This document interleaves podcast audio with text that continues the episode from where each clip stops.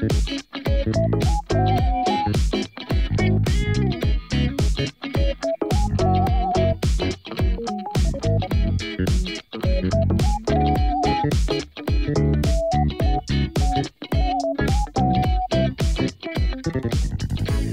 semuanya, kembali lagi dengan gue Santoso dalam podcast baru niat Karena segala hal dimulai dari niat.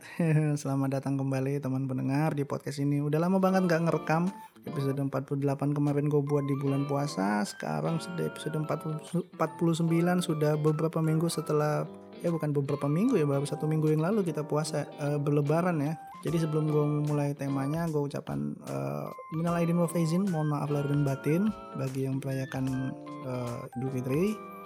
Semoga kalian tetap kuat dengan tidak adanya mudik karena ada larangan mudik jadi kita sama-sama nggak bisa pulang ke kampung nih.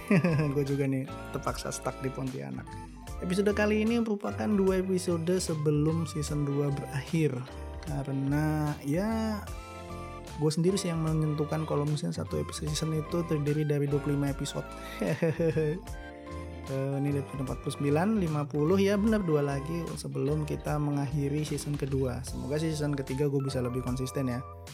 Untuk dua episode ini gue ingin mencoba ngomongin tema yang serius. Karena memang gue sih mencoba menargetkan uh, setiap 10 episode itu gue mencoba ngomong satu aja satu episode ngomongin soal tema yang cukup serius dan satu lagi ngomongin soal hal-hal lain tapi menggunakan bahasa Inggris dan gue coba lah untuk dua episode ini untuk melaksanakan dua itu karena emang dari episode 41 sampai 48 gak ada sempet gue ini ya uh, ngomong bahasa Inggris atau tema serius ya karena ya itu karena ditunda-tunda terus Padahal dari kemarin udah ngomong ya minggu episode selanjutnya gue akan ngomongin soal lemak nih. Episode selanjutnya gue akan serius nih. Wah tetap aja nggak jadi. Ini udah episode tag berapa nih? Karena udah lama nggak ngerekam jadi gugup lagi nih. Tapi udahlah kita lanjut aja. Karena semuanya dimulai dari niat ya, bener ya. Nah untuk episode kali ini yang seperti gue sampaikan dulu-dulu kita akan ngomongin soal lemak. Uh, asam lemak tak jenuh dan lemak jenuh itu perbedaannya apa? Mungkin kita akan bahas soal itu aja dulu. Untuk tema yang lain gue akan coba lebih buat lebih detail lagi nanti di season 3 tapi untuk yang dua episode ini kita akan ngomongin soal lemak jenuh dan lemak tak jenuh dulu. Kenapa sih lemak mungkin itu dulu yang harus gue jawab karena lemak itu sudah menjadi bagian identik dari hidup gue karena gue termasuk orang yang obesitas ya jadi ya kayaknya udah bosen lah kayaknya mendengarkan orang tuh ngomongin soal lemak ke gue wah lemaknya banyak ya gemuk. Ya beberapa ada yang mengang, men, apa ya merespon dengan positif. Gue termasuk bukan gue juga bukan orang yang ya gampang tersinggung soal gemuk tapi lama-lama kan bosen juga ya diomongin kayak gitu terus tapi udah kita nggak ngomongin soal itu kita langsung ngomongin aja uh, bedanya lemak jenuh dan lemak tak jenuh. Dari definisi aja. Kalau kita perhatikan bukan perhatikan ya lemak jenuh. Jadi itu jenuh dengan apa sih? Kenapa lemak itu menjadi jenuh? Apakah lemak lemaknya suntuk? Jenuh kan suntuk gitu. Padahal kalau di translasi Inggrisnya itu lemak saturated fat. But, uh, kalau lemak tak jenuh unsaturated fat. Kenapa di translasi ke Indonesia menjadi lemak jenuh padahal kan saturated bisa aja lemak tersaturasi uh, atau unsaturated lemak yang tidak tersaturasi tapi uh, di di Indonesia kan menjadi lemak jenuh. Jadi kalau misalnya kita lihat di lemak jenuh itu adalah lemak yang berbentuk padat pada suhu kamar. Tidak membantu menjawab ya. Coba lagi ya. Oh, ini ini dari Wikipedia bisa membantu le lebih baik terkait dengan definisi jenuhnya lemak jenuh. Lemak jenuh atau lemak yang biasa adalah lemak yang terdiri dari trigliserida dengan hanya asam lemak jenuh. Asam lemak jenuh tidak memiliki ikatan rantai ganda di antara atom-atom karbonnya sehingga disebut penuh dengan hidrogen. Nah itu, jadi jenuhnya itu jenuh dengan hidrogen. Sini katakan katanya asam lemak jenuh itu memiliki jumlah atom karbon yang bervariasi mulai dari 3 sampai 36. Jadi kayaknya memang penyebab dia jenuh itu adalah dia penuh dengan hidrogen. Penuh dengan hidrogen. Apakah? Coba kita lihat lagi website yang lain. Oh ya benar. Di website sehatku.com juga dijelaskan adalah lemak jenuh tidak memiliki ikatan rantai ganda dalam struktur kimianya dan jenis lemaknya jenuh dengan atom hidrogen karena struktur kimia tersebut, lemak ini memiliki konsistensi yang padat bila berada dalam suhu ruangan. Jadi yang website yang pertama dari gooddoctor.co.id itu memang benar. Lemak jenuh itu berbentuk padat dalam suhu kamar karena itu karena ikatan rantai yang tidak ganda dan penuh dengan hidrogen. Nah, si lemak jenuh ini umumnya didap umumnya didapat dari sumber makanan hewani. Ini juga bisa dikatakan sebagai lemak jahat.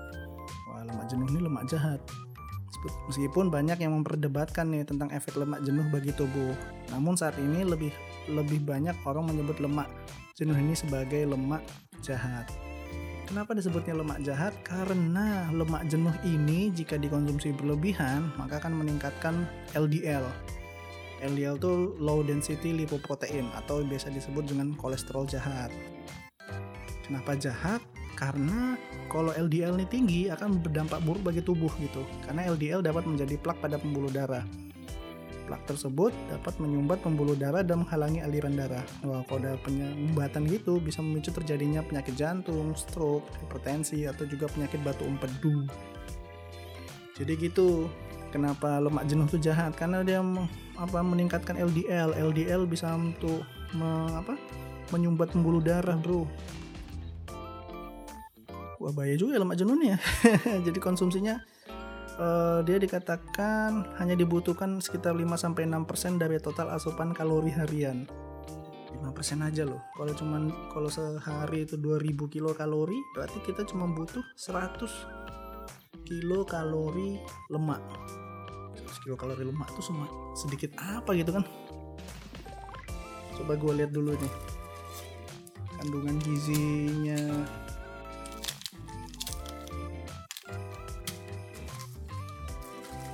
yang bisa gue lihat sebagai kandungan gizinya gula?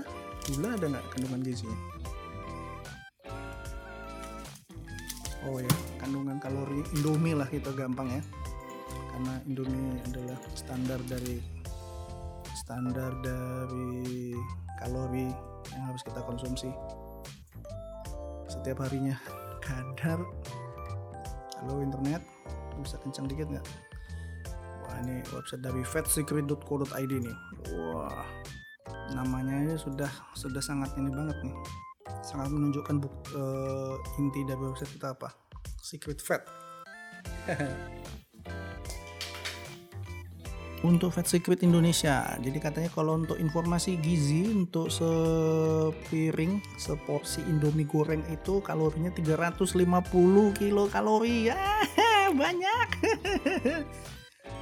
Mie goreng sebungkus 80 gram. 350 bro. Padahal tadi bilangnya mintanya berapa? 100. Jadi kalau makan Indomie sepertiga porsi aja, Pak Nah, bagi kalian yang masih makan indominya double pakai nasi, pakai gorengan, nah ini udah ketahuan banget kan kalau itu udah over-over dari berlebih-lebih banget dari yang dibutuhkan sehari-hari. Wah ini nih nggak bisa lagi gue makan indomie pakai ayam goreng. ya memang harus dikurangi sih memang.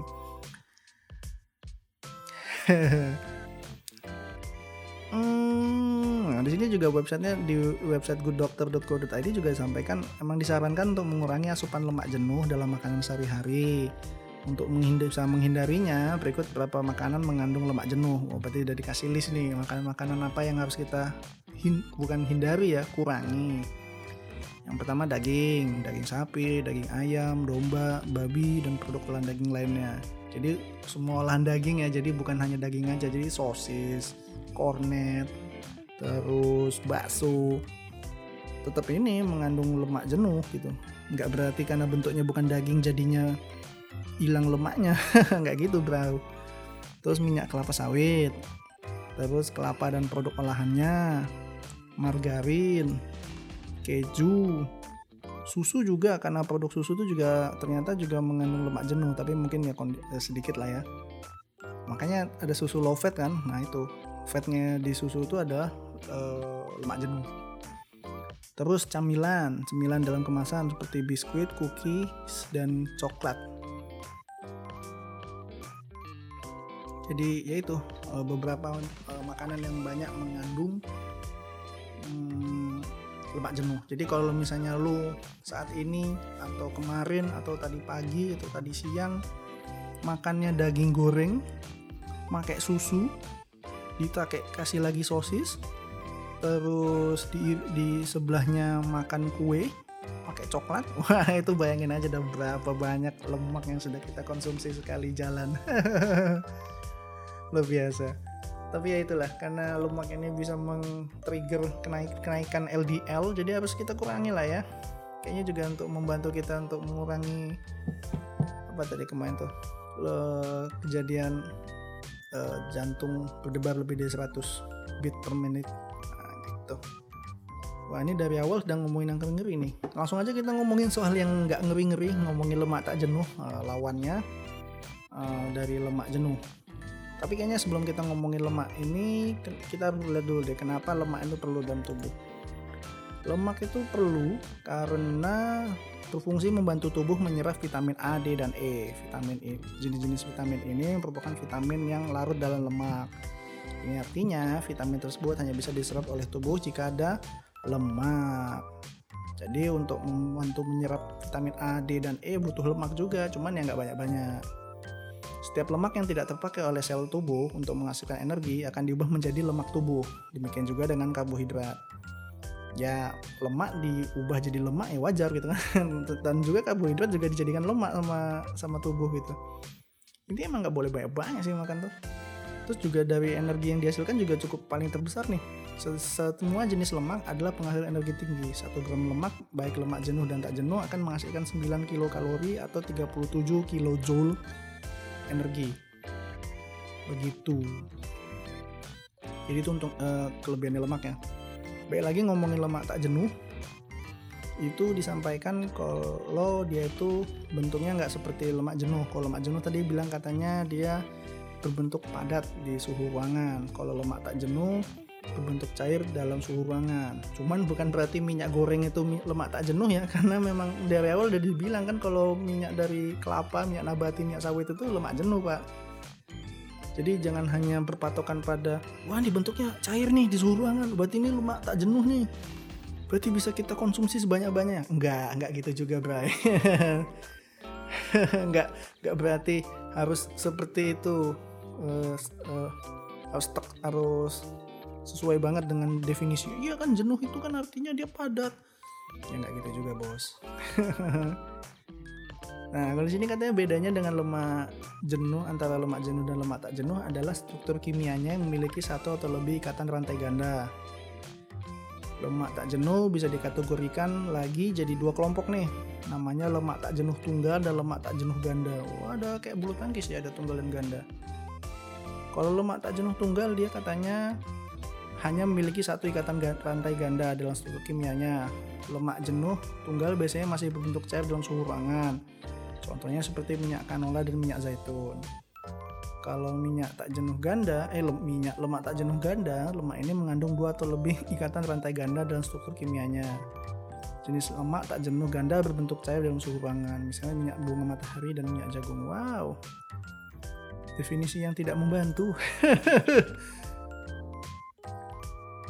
mana yang setting lain? Ah ini nih dari good dokter juga bisa memberikan informasi lebih nih. Lemak tak jenuh bisa didapat dari hewan tapi lebih banyak berasal dari tumbuh-tumbuhan. Hmm, di sini lebih banyak dijelaskan kalau lemak jenuh. Tadi kan gue bilang lemak tak jenuh itu ada dua lemak tak jenuh tunggal dan lemak tak jenuh ganda. Di sini katanya kalau lemak tak jenuh tunggal itu dapat membantu menurunkan risiko penyakit kardiovaskular. Oh, dia bisa didapat dari minyak zaitun, alpukat, kacang-kacangan, biji-bijian, oh, dari tanaman ya. Kalau lemak tak jenuh ganda dibutuhkan oleh tubuh karena berperan dalam membantu pergerakan otot dan pembekuan darah. Lebih lanjut, lemak tak jenuh ganda dibagi lagi menjadi asam lemak omega 3 dan asam lemak omega 6. Hmm, gitu. Itu lemak tak jenuh ganda ya omega 3, omega 6 itu ya. Di mana asam lemak omega 3 dibutuhkan untuk membantu menjaga kesehatan jantung, otak, dan metabolisme. Sementara asam lemak omega 6 dapat bermanfaat mengobati gejala sejumlah penyakit kronis. Sayangnya, lemak tak jenuh ganda tidak bisa diproduksi sendiri oleh tubuh. Karena itu, kamu perlu memenuhi kebutuhan tubuh dari makanan sehari-hari. Berikut jenis makanan yang mengandung lemak tak jenuh ganda, asam lemak omega 3 dan 6. Udah dapatnya dari yang pertama lemak omega 3 dari ikan berlemak. Lemak ikan seperti sarden, tuna, salmon, trout dan makarel. Wah, minyak sarden. Minyak sarden ya. Tapi bukan berarti yang sarden kalian ada minyaknya itu adalah ikan berlemak itu bukan bos itu emang sengaja olahnya ada minyak itu beda ya rami tanah dan minyak biji rami. Rami itu apa toh? Kedelai. Nah, ini kedelai juga banyak mengandung lemak omega 3, tiram, kacang kenari, biji bunga matahari dan biji chia. Chia seed ya. Oh, itu bisa juga ya mengandung omega 3 tadi ya. Untuk omega 6 dia banyak dari minyak nabati seperti minyak canola, safflower, kedelai, bunga matahari, minyak kenari dan minyak jagung. Ini ada tambahan uh, untuk khusus untuk omega 6 ya meskipun omega 6 itu termasuk baik dalam tubuh disarankan untuk tidak mengkonsumsinya secara berlebihan. Oh itu semuanya tuh. Semua hal yang dikonsumsi secara berlebihan emang nggak baik. Mengkonsumsi terlalu banyak asam lemak omega 6 dapat meningkatkan radang di tubuh. Atau dapat meningkatkan risiko kondisi kesehatan tertentu seperti obesitas. Ya sama aja dong kalau gitu. Cuman kayaknya kan tidak men-trigger kenaikan LDL aja nih bedanya. Cuman tapi tetap aja bikin obesitas. Hmm, terus apa lagi nih yang menarik soal lemak ini? Hmm, di sini jelaskan lagi asam lemak tak jenuh tunggal itu disebutnya MUFA, mono unsaturated fats. Oh, FA-nya itu fats. Banyak manfaat dari asam lemak tidak jenuh tunggal untuk tubuh. Pertama, menurunkan berat badan. Semua lemak memberikan jumlah energi yang sama yaitu sekitar 9 kalori per gram, sementara karbohidrat dan protein memberikan 4 kalori per gram. Oleh karena itu, mengurangi jumlah lemak dalam makanan bisa menjadi cara efektif untuk mengurangi asupan kalori dan menurunkan badan. Dilansir dari headline, Healthline, penelitian menunjukkan bahwa diet tinggi MUFA menyebabkan penurunan berat badan tingkat dengan diet rendah lemak.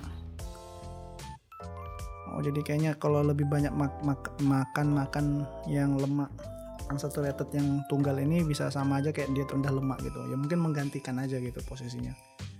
Yang kedua manfaatnya adalah mengurangi risiko penyakit jantung. Mengganti lemak jenuh dengan makanan dengan mak, deng, mengganti lemak jenuh dalam makanan dengan mufa mampu mengurangi risiko penyakit jantung Terlalu banyak kolesterol dalam darah merupakan penyebab penyakit jantung karena bisa menyumbat arteri dan menyebabkan serangan jantung atau stroke. Sebuah studi menunjukkan bahwa MUFA mengurangi kolesterol LDL dan meningkatkan HDL mengurangi low density lipoprotein dan meningkatkan high density lipoprotein atau bisa disebut kolesterol baik.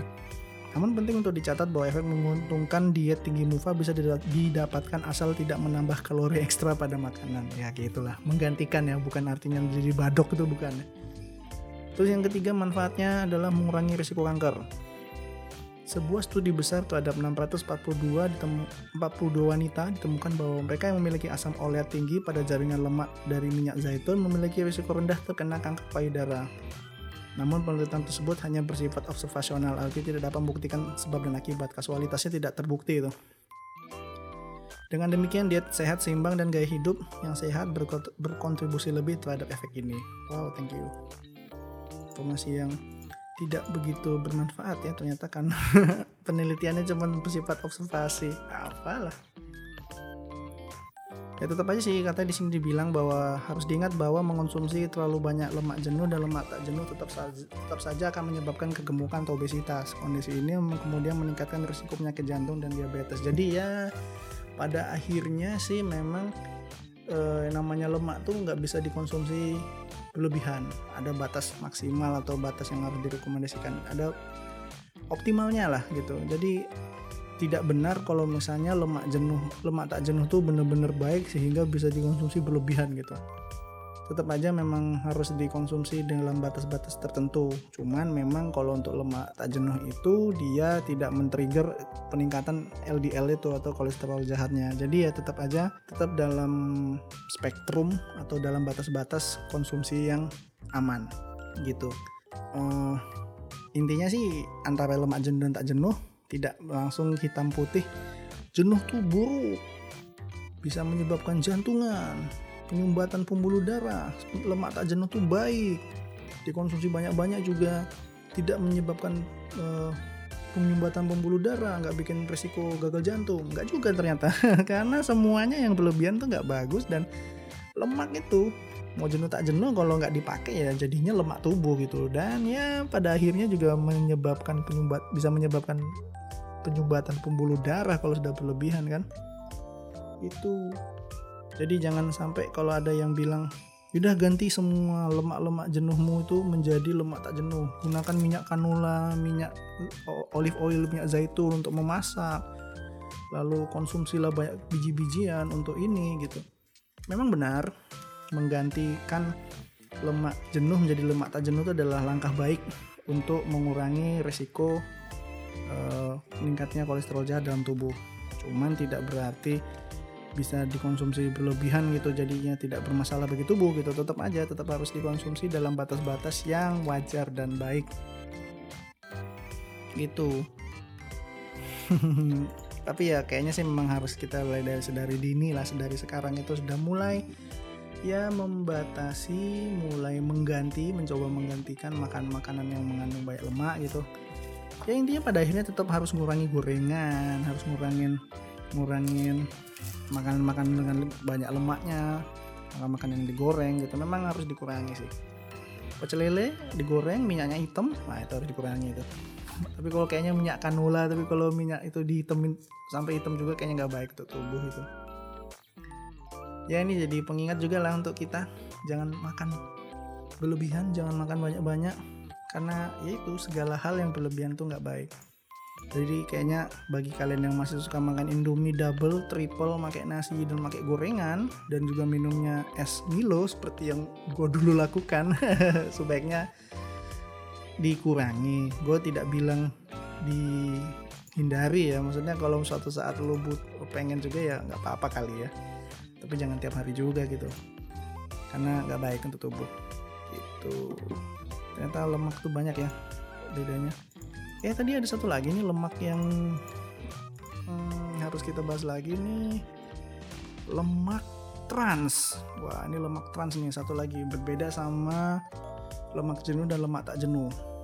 Wah di sini kalau websitenya dikatakan lemak trans adalah uh, lemak yang biasa terkandung dalam makanan olahan Lemak trans berdampak juga berdampak buruk bagi tubuh. Sama dengan lemak jenuh, lemak trans dapat meningkatkan kadar LDL.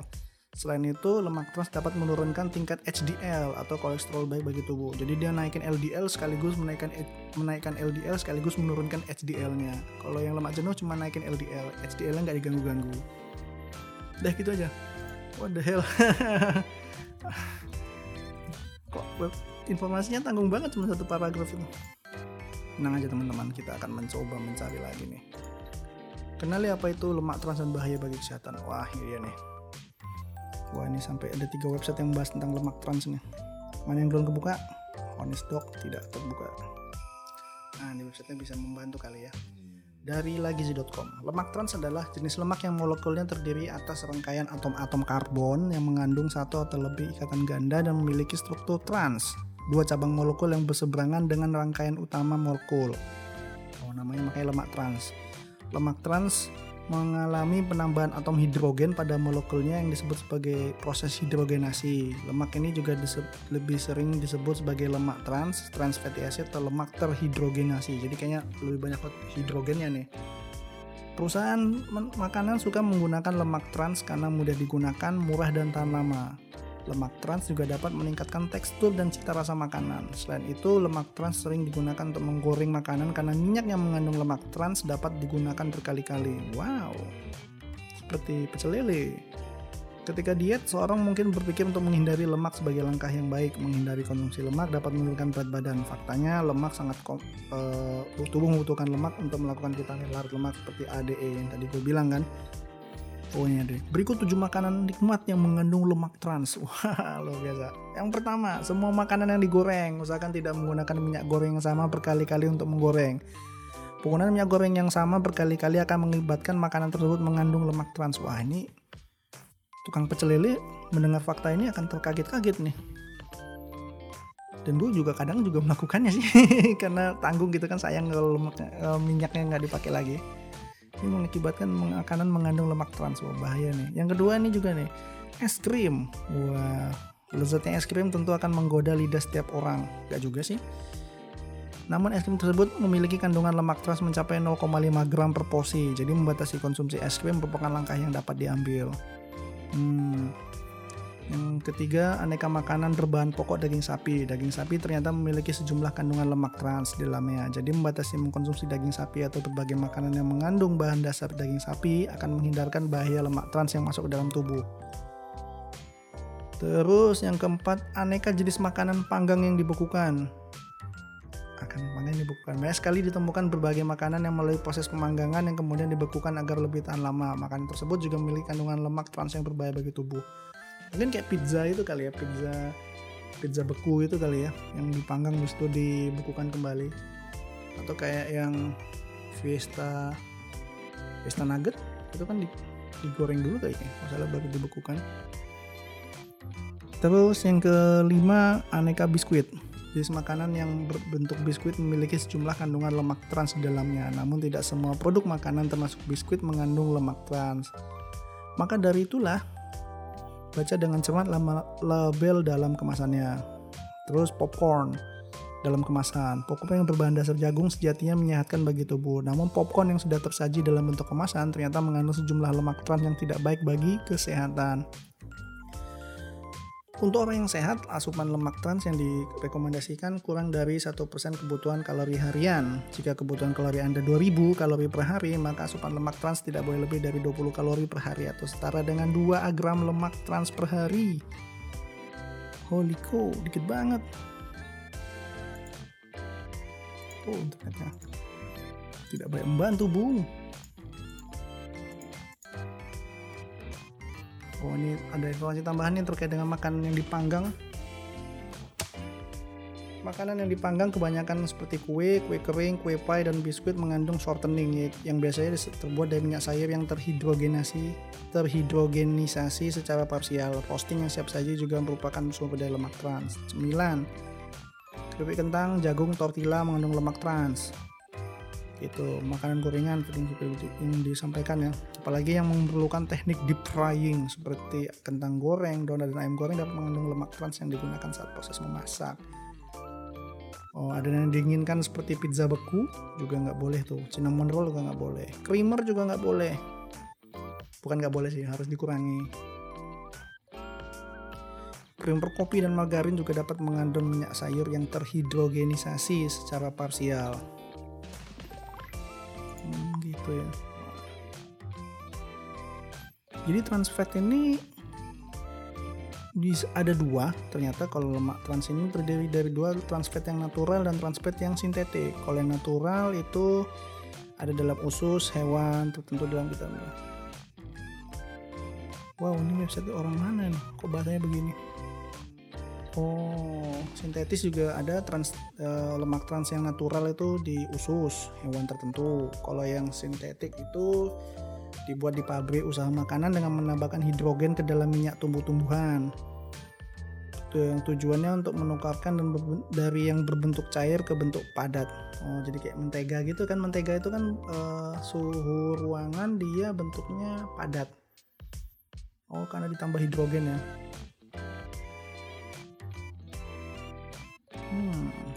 Menarik nih. Nah, ini ada poin tambahan nih. Bagaimana cara menghindari lemak trans? Jika Anda ingin mengurangi asupan trans fat, Anda harus pertama mengkonsumsi pola, mak pola makan yang memperbanyak buah, sayuran, gandum utuh, produk susu rendah lemak, unggas, ikan, dan kacang-kacangan, serta batasi konsumsi daging merah, makanan, serta minuman yang mengandung banyak gula. Jadi kurangin gula, bos. Gunakan minyak sayur alami yang tidak terhidrogenisasi seperti canola, safflower, bunga matahari, dan olive oil. Pilihlah makanan olahan yang terdiri yang terbuat dari minyak yang tidak terhidrogenisasi dibanding dibanding minyak sayur yang tidak terhidrogenisasi atau terhidrogenisasi parsial atau lemak jenuh. Popola. Gunakan margarin lembut sebagai mentega dan pilihlah margarin lembut cairan tetap dibandingkan bentuk stick yang lebih keras. Carilah 0 gram trans fat pada level informasi gizi dan tanpa minyak hidrogenisa, hidrogenisa tanpa minyak hidrogenasi pada daftar komposisi. Batasi konsumsi makanan donat, cookies, cracker, muffin, pie, dan cakes.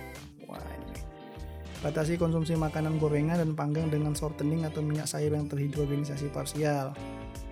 Tidak hanya makanan tersebut kaya akan lemak, namun lemak tersebut kemungkinan besar merupakan lemak trans. Ambil beberapa waktu untuk membaca label makanan dan pilihlah dan pilihlah pilihan yang lebih sehat. Kebiasaan ini dapat menjaga kesehatan dan uang Anda dalam jangka panjang. Wah, luar biasa. Pada akhirnya ujungnya finansial ya. Jadi ya jadi perjalanan kita ngomongin soal lemak ini akhirnya gue tahu kalau misalnya ada lemak trans ya jadi lemak jenuh tak jenuh ada tambahan lagi lemak trans lemak jenuh dia meningkatkan LDL lemak tak jenuh menaikkan HDL lemak trans dia menaikkan LDL sekaligus menurunkan HDL LDL itu kolesterol jahat HDL high density lipoprotein adalah kolesterol baik trans melakukan segalanya apa, antara LDL dan HDL itu menjadi lebih jauh. LDL yang dinaikin, HDL dikurangin. Luar biasa memang trans itu.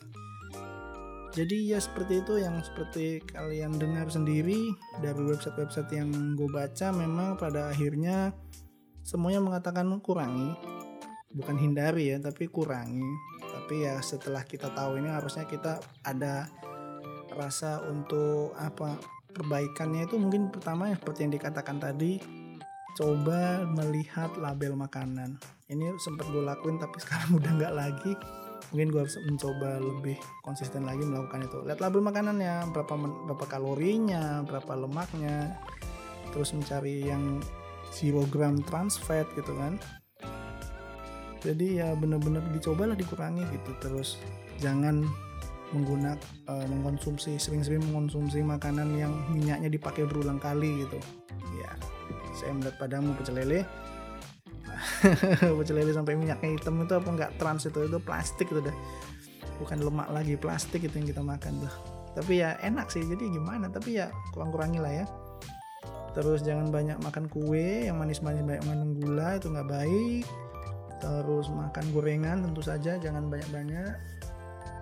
Yang kalau kalau teman kamu kurangin minyaknya dengan tisu dengan tisu itu ya mungkin sesekali coba kita ikuti juga. Karena untuk menyerap lemak-lemak yang nggak baik untuk tubuh kita. Terus sesekali makan omega 3 mungkin. Jangan berlebihan juga karena berlebihan juga nggak baik. Pada akhirnya ya konsumsilah lemak itu secukupnya sewajarnya. Lemak itu bukan berarti sangat jahat bagi tubuh karena pada akhirnya tubuh juga butuh lemak untuk menyerap vitamin A, D, dan E. Tapi tentu saja tidak boleh atau disarankan untuk mengonsumsi secara bercukupan saja gitu jangan banyak-banyak gitu. Kayak apa aja kayak kayak nggak ada makanan lain. Tapi itu emang gue tahu nih semua makanan enak tuh biasanya kok nggak digoreng dibakar. Kalau direbus tuh jarang banget yang namanya makanan enak tuh. Jarang banget kita bisa menemukan orang makan makanan enak dengan dengan cara dimasak dengan direbus. Tapi ya cobalah kita kurangi lah ya gue sendiri gue cobalah itu episode soal lemak nggak nyangka. Ternyata lemak itu sekompleks itu nggak ya mungkin sebagai orang yang gue selama ini ignoran soal lemak oh mencoba lah mengurangi gitu. Minimal ya nggak banyak makan gorengan setiap hari lah kita kurangi aja. Ya mungkin seminggu sekali seminggu dua kali gitu ya. Gitu karena pada akhirnya hidup sehat itu lebih baik dibandingkan membayar lebih untuk membeli obat. Cis luar biasa. Oke sekian dulu post kali ini. Mungkin gue tutup dulu. Terima kasih udah dengerin tema serius gue di episode 40an ini. Kayaknya besok-besok gue nggak mau ngejinx lagi deh. Ngomongin tema-tema serius tentang apa gitu. Ujung-ujungnya nggak gue laksanakan gitu pak. Dan ya mungkin dengan tidak membuat batasan tema gue bisa mencari tema-tema lain yang lebih uh, serius atau lebih asik untuk dibahas gitu ya. Ini adalah sekedar untuk mengembalikan mood gue untuk melakukan rekaman lagi. Karena ya sekarang uh, karena ada sama temen bikin podcast lain jadinya podcast ini kayak terkenda terbengkalai. Enggak juga karena gue pengen membuat podcast ini sebagai podcast pribadi untuk hal-hal yang menurut gue menarik untuk gue bahas. Jadi gitu uh, sekian dari gua Santoso. Terima kasih udah dengerin teman pendengar. Semoga kalian suka dan selamat uh, beristirahat karena nih gua ngerekamnya malam. Tapi kalau misalnya kalian mendengarkannya pagi dan siang selamat melanjutkan aktivitas harian anda. Semoga sukses dan selalu uh, dilindungi dari mara bahaya. Gua Santoso dari podcast baru niat undur diri. Sampai jumpa